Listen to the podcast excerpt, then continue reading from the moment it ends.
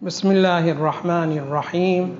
الحمد لله رب العالمين. وصلى الله على محمد وآله الطيبين الطاهرين. اللهم صل على محمد وآل محمد.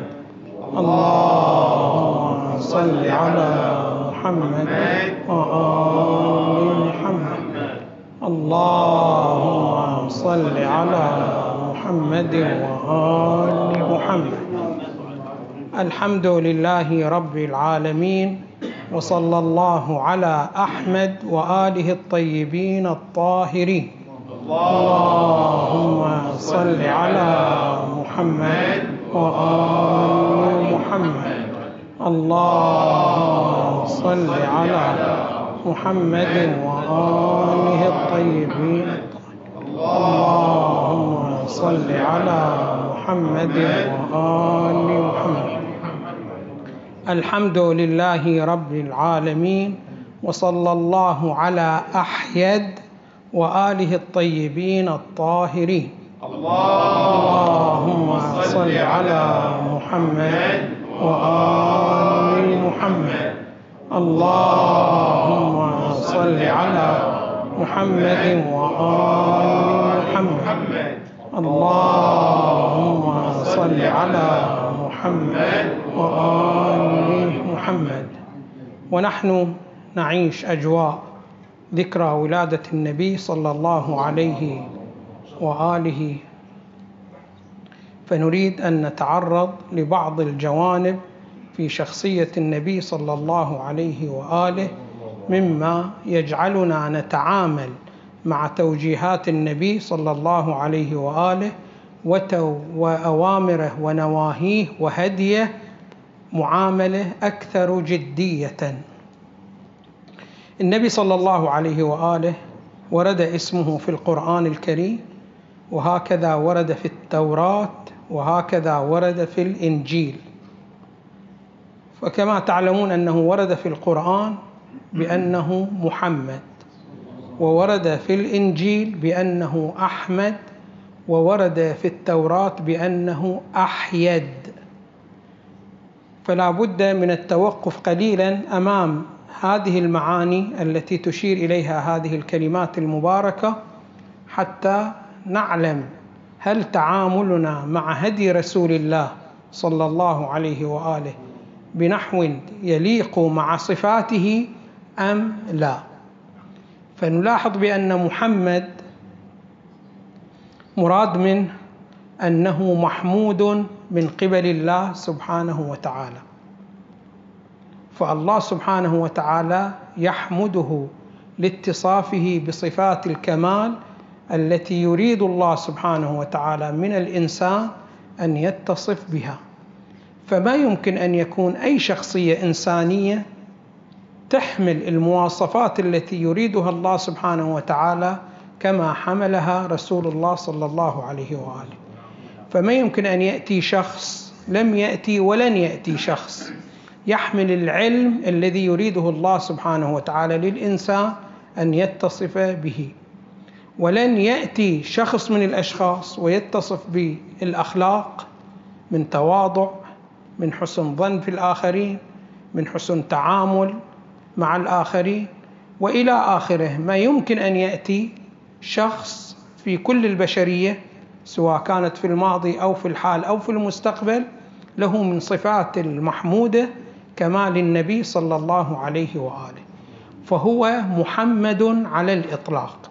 كان محمد والآن محمد وسيبقى محمد. اللهم صل على محمد وآل محمد. وهو الأحمد. أحمد هنا يقولون شنو؟ ماذا أفعل تفضيل. يعني هو أكثر الأشخاص الذين توجهوا لله سبحانه وتعالى بالحمد. فما يمكن أن يأتي شخص لا في الماضي ولا في الحال ولا في المستقبل يستطيع أن يثني على الله سبحانه وتعالى كما أثنى النبي صلى الله عليه وآله. فلذلك هو أحمد وهو أحيد كما في التوراة. أحيد يقولون هو الذي يمنع تابعيه من الوقوع في الخسارة.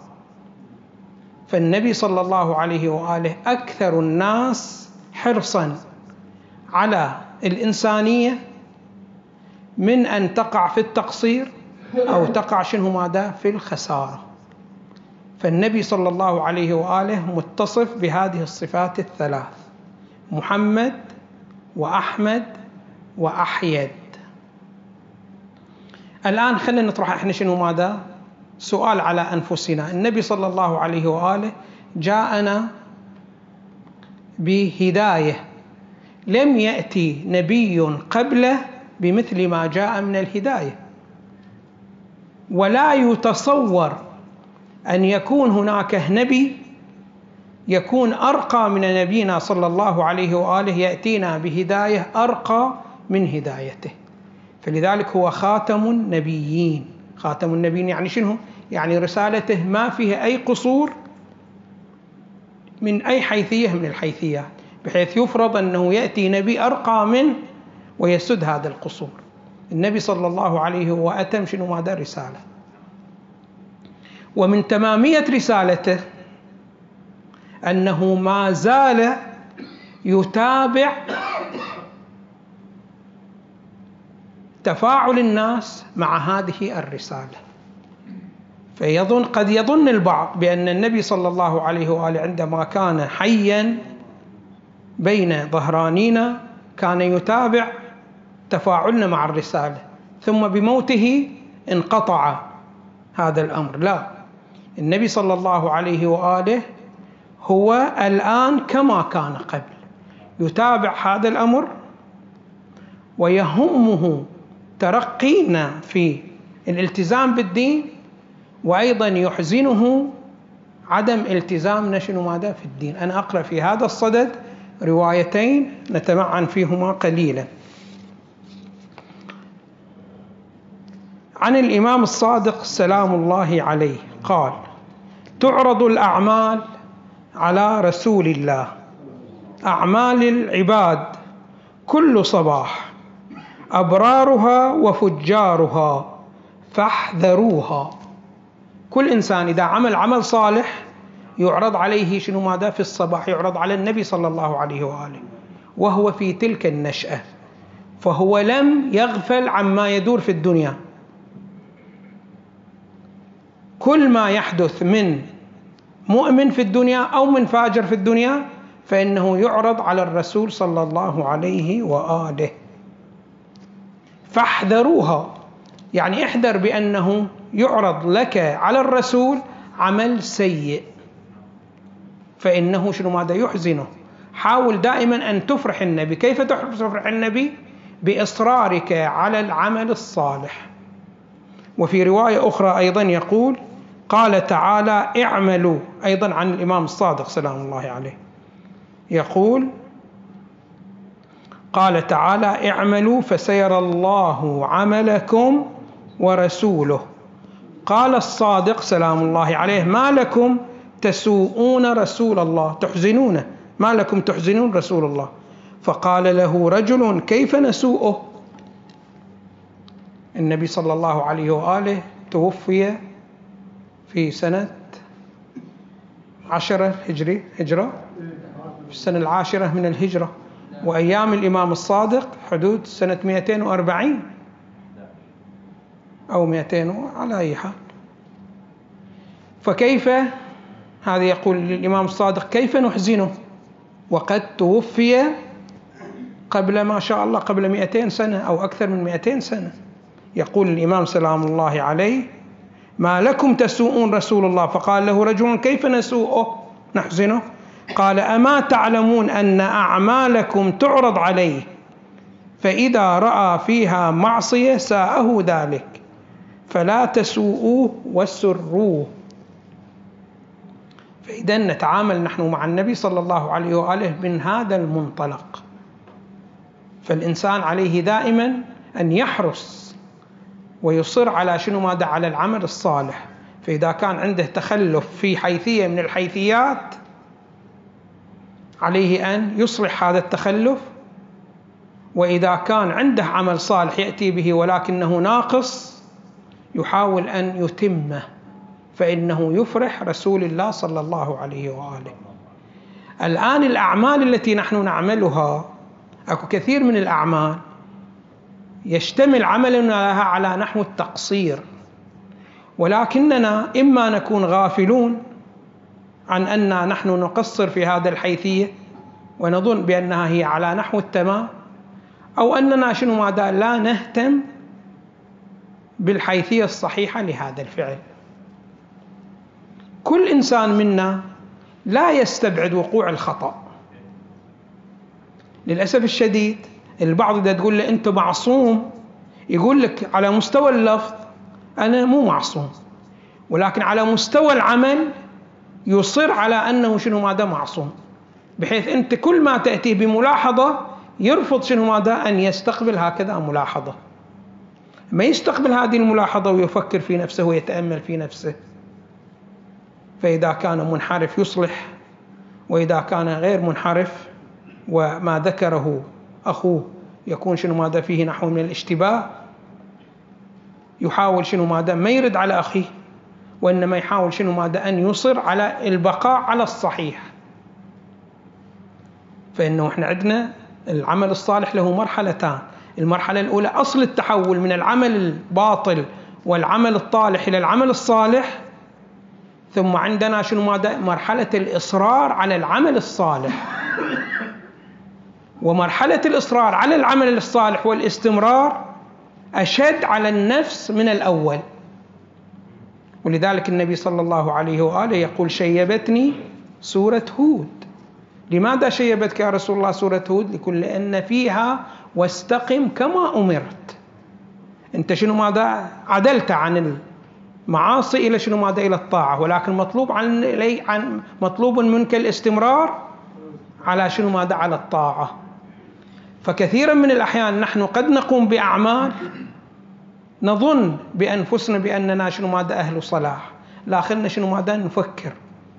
وإذا شخص من الأشخاص لفت انتباهنا إلى مسألة من المسائل لا نرميه مباشرة شنو ماذا بالخطأ. فعلينا شنو ماذا أن نفكر في هذا الأمر. ونحاول أن نصلح إن كان هناك تخلف عن العمل الصالح أو شنو ماذا نصلح العمل إن كنا شنو ماذا نقوم به. ولا تعتبر نفسك معصوم في أي نقطة من النقاط. فإن البعض يصنف نفسه على أنه من المعصومين ولكنه يوم القيامة راح يظهر إليه بأنه أبسط النقاط هو كان يأتيها شنو ماذا بصورة خاطئة. فعلينا دائما شنو ماذا أن نتعلم ولا نخجل من التعلم. فهذا الذي يخجل من التعلم سواء كان من صغير أو من كبير. الذي يخجل هذا عنده نقصان في عقله. فإن الإنسان تعرفون معرض إلى الجهل معرض إلى النسيان معرض إلى الغفلة معرض إلى الاشتغال بأشياء أمور تشغل عن هكذا أشياء وإلى آخره. فلا تحسن في نفسك شنو ماذا الظن. دائما شنو ماذا أول كلمة تسمعها خل عليك بالإساءة الظن في نفسك. حتى أن هذه إساءة الظن تبحثك إلى ما تبعثك نحو التأمل ونحو المطالعة في كتاب نفسك. فتشاهد بأن هل هناك تقصير أم ليس هناك تقصير. الآن البعض يسأل ويقول بأنه إحنا عادة إذا صار عندنا احتفال بمولد بيناتنا عندما نحتفل بمولد واحد من أطفالنا أو واحد من إخواننا بلا إشكال نطالب شنو ماذا بتقديم هدية. الآن نريد شنو ماذا نحتفل أيضا بمولد رسول الله صلى الله عليه وآله. فكيف نقدم للرسول صلى الله عليه وآله هدية؟ هل يمكن لنا أن نفكر في هذا الأمر؟ إيه طبعا لك أن تفكر في هذا الأمر. ولكن الهدية التي تريد أن تقدمها إلى رسول الله صلى الله عليه وآله. أي نحو من أنحاء الهدية؟ وكيف تقدم له هذه الهدية؟ في عندنا شنو ماذا؟ طرق قد تكون متعارفة في بعض المجتمعات وهو أنه شنو ماذا؟ في ليلة المولد الإنسان شنو ماذا؟ يدفع صدقة ويرسل ثوابها لمن؟ للرسول صلى الله عليه وآله. هذا نحو من أنحاش هذا الهدية ولكن النبي صلى الله عليه وآله طبعا النبي أمرنا بأن نفرح إذا قدمت لنا هدية واضح شلون؟ فإحنا نريد أيضا من هذه الهدية التي نهديها إلى رسول الله أن شنو ماذا أن يفرح. وبلا إشكال الهدايا التي تقدم لرسول الله مختلفة. فبعض الهدايا إذا نقدمها للرسول صلى الله عليه وسلم يفرح فرحة جدا شديدة. وبعض الهدايا يفرح ولكن فرحة متواضعة. فأي هدية يمكن أن نهديها إلى الله سبحانه وتعالى بحيث ماذا النبي يفرح فرحة ما بعدها فرحة وبإمكاننا كل واحد منا أن يقدم هكذا هدية وهي أي هدية هي التعهد لله سبحانه وتعالى ولرسول الله صلى الله عليه وآله أن ألتزم بهدي رسول الله صلى الله عليه وآله. هذه أفضل هدية تقدم للرسول صلى الله عليه وآله.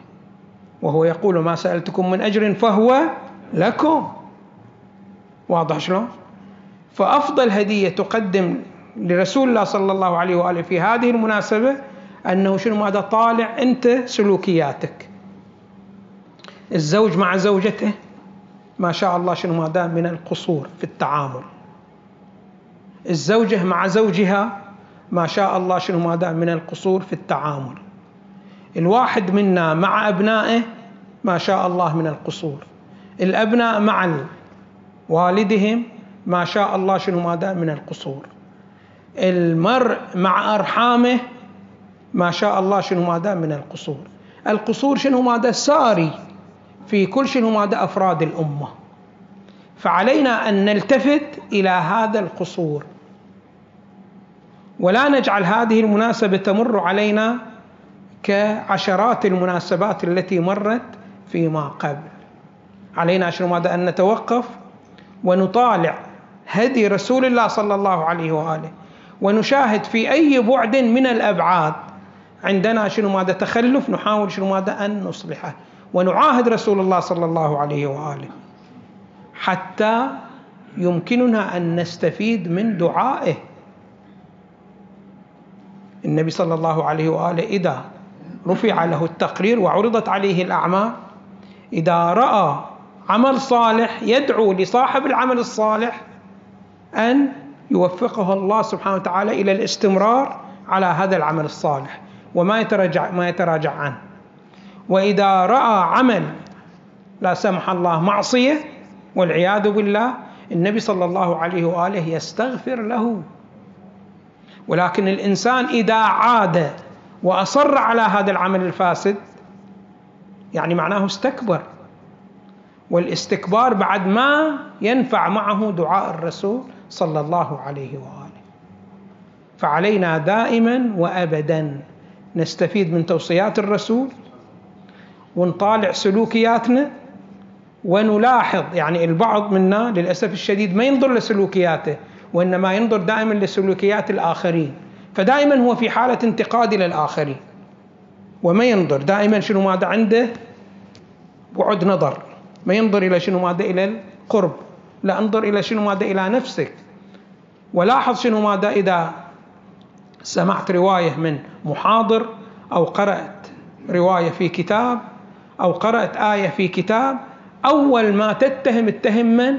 نفسك. الله سبحانه وتعالى ما راح يحاسبك عن الآخرين وعن أعمالهم ولكن راح يحاسبك عن ماذا؟ عن أعمالك. فخلونا جميعا شنو ماذا؟ ما نفوت مناسبة المولد كما فوتنا العشرات من المناسبات. وأن نعاهد الله سبحانه وتعالى أنه ما يطيل عمرنا إلى المناسبة الجاية والمولد الجاي ونحن على نفس هذه الحالة من سلوكياتنا. بل نحاول أنه إذا كان عندنا سلوكيات منحرفة أن نصلحها وإذا كان عندنا سلوكيات مستقيمة أن نسعى إلى البقاء والإصرار والإيتاء بنحو أفضل مما أتينا به. غفر الله لي ولكم والحمد لله رب العالمين وصلى الله على محمد وآله الطيبين الطاهرين.